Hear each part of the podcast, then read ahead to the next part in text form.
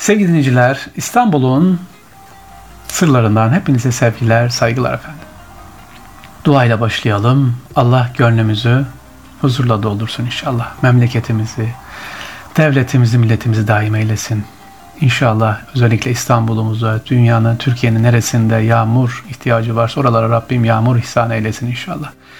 Yağmur duası için sevgili dinleyiciler, illa camiye, illa toplu beklemeyin. Herkes yağmur duası bulunduğu yerde yapsın lütfen.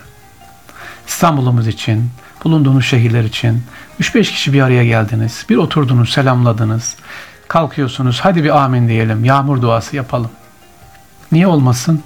Yağmur duası yapalım. Rabbim nerede kar ihtiyacı varsa, yağmur varsa, dünyanın, Türkiye'nin, memleketimizin Allah yağmur ihsan eylesin, hayırlısıyla bereket ihsan eylesin. Evet bunu da unutmayalım efendim. E niye? işte namazdan çıkıyorsunuz. Hocam yağmur duası yapmayacak mıyız? Hadi yapalım hep beraber. İlla bir teşrifat, illa bir seremoni olmasın. Rabbimize gönlümüzü açalım. Hep beraber yağmur isteyelim, tövbe edelim. Estağfirullah ve etübüleyh inşallah diyelim. Ve başlıyoruz İstanbul'un sırlarında. Allah'tan rahmet, bereket dileyerek başlıyoruz. İstanbul'un en eski camisini anlatacağız. En eski Taht Kadı Camii. Neymiş en eski? Fatih Sultan Mehmet Han'ın İstanbul fethinden sonra şehri adeta gül bahçesi gibi İslami eserlere bezenmesine büyük önem veriyordu. İstanbul içi kadar Beyoğlu dediğimiz bugünkü ya da Pera yani karşı demek Rumca e, İstanbul dışındaki yerlerinde Müslüman mahallesi haline gelmesi için gayret ediyor. İşte bunlardan biri de 1460 tarihlerinde yani İstanbul'un sur dışında yapılmış olan ilk camisi, en eski camisi. Neymiş ismi? Taht kadısı olan Mehmet Efendi tarafından inşa edilmiş. Taht kadısı demek şu, İstanbul kadılığı veya kendisine İstanbul mollası denirdi. Kadılıkların en yükseğiydi. Bazen divan toplanana da katılır kendisi. İstanbul Mollası deniyor. Cami nerede? Küçük Piyale Mahallesi, Tahta Kadı Sokak, Beyoğlu. Yani e, bu hemen Kasımpaşa'nın üstünde. Tahtkadı Camisi'nin özelliği neymiş tekrar edelim. İstanbul'un en eski Pera tarafındaki, Kasımpaşa tarafındaki camisi. Biraz bu Mehmet Efendi'den bahsedelim. Kadı Mehmet Efendi kimmiş? Fatih Medresesi'ndeki müderrisler arasından seçilmiş İstanbul Kadısı. İstanbul Kadılan dediğim en büyük derece olarak farklı. Mehmet Efendi 1468'de vefat etmiş ve mezarı da bu camine gittiğiniz zaman görürsünüz burada. E, taht kadısı aslında payitaht kadısı demek yani başkent kadısı demek. E, kayıtlara da tahta kadı olarak söylenmiş dil dönmediği için herhalde. Efendim burası e, gayet güzel, tek şerefeli, güzel bir minare. Şimdi geri gelmişken kadılık nedir, niye önemli ona da bakalım. Sadrazamlık görevi atanmasında bile tahsil aranmazken tahsilsiz kadı olunmazdı diyor kayıtlarda. Evet. Kadılık atamalarında mutlaka medrese öğrenimine önem veriliyor. En üst seviye yükselip tamamlayan danışmentler ya da şimdiki adıyla asistanla ilk önce e, alt seviye medreselerde öğretmen oluyorlar. Sonra bükülerek yukarıya doğru yavaş yavaş gidiyorlar. Anadolu ve Rumeli kadılığı devam ediyor. Bunlar çok önemli efendim.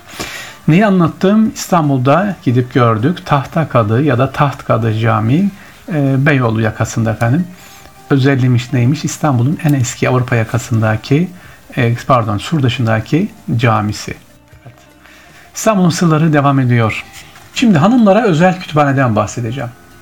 Hanımlara özel kütüphane olur mu? O İstanbul'daysa olur tabii.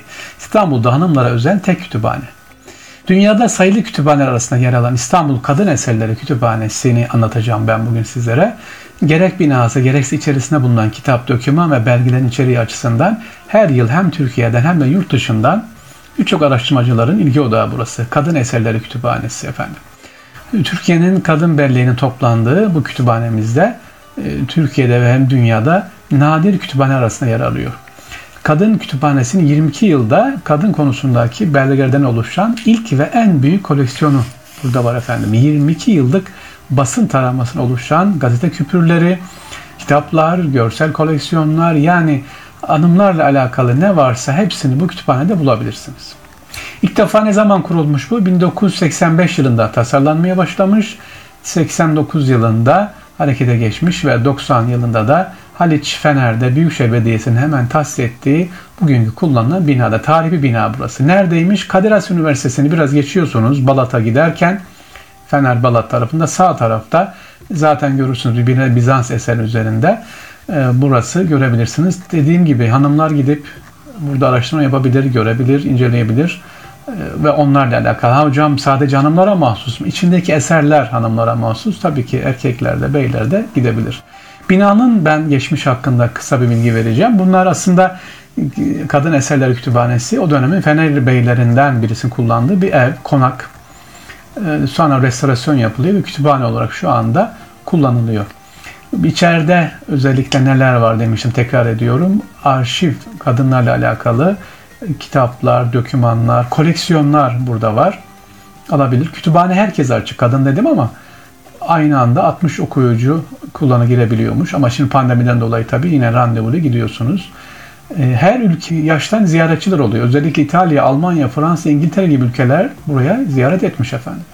Ama İstanbul'da acaba hanım kardeşlerimiz burayı duydu mu gitti mi? Evet tekrar ediyorum İstanbul'da bulunan veya dışarıdan gelen hanım kardeşlerimiz İstanbul'da tek ve nadir belki Türkiye'de nadir kadın eserleri kütüphanesi var. Nerede? Fatih Sultan Mehmet semtinde Fener Balat yolu üzerinde yani Kadir Has Üniversitesi'ni geçince sağda burada. Kütüphanemize dediğim gibi mutlaka gidip görebilirsiniz Kadın Eserleri Kütüphanesi'ni. Evet İstanbul'un sırlarından hepinize selamlar. Tekrar görüşmek üzere efendim. Rabbim hepimize huzur, sağlık, afiyet nasip etsin. Allah'a emanet olunuz.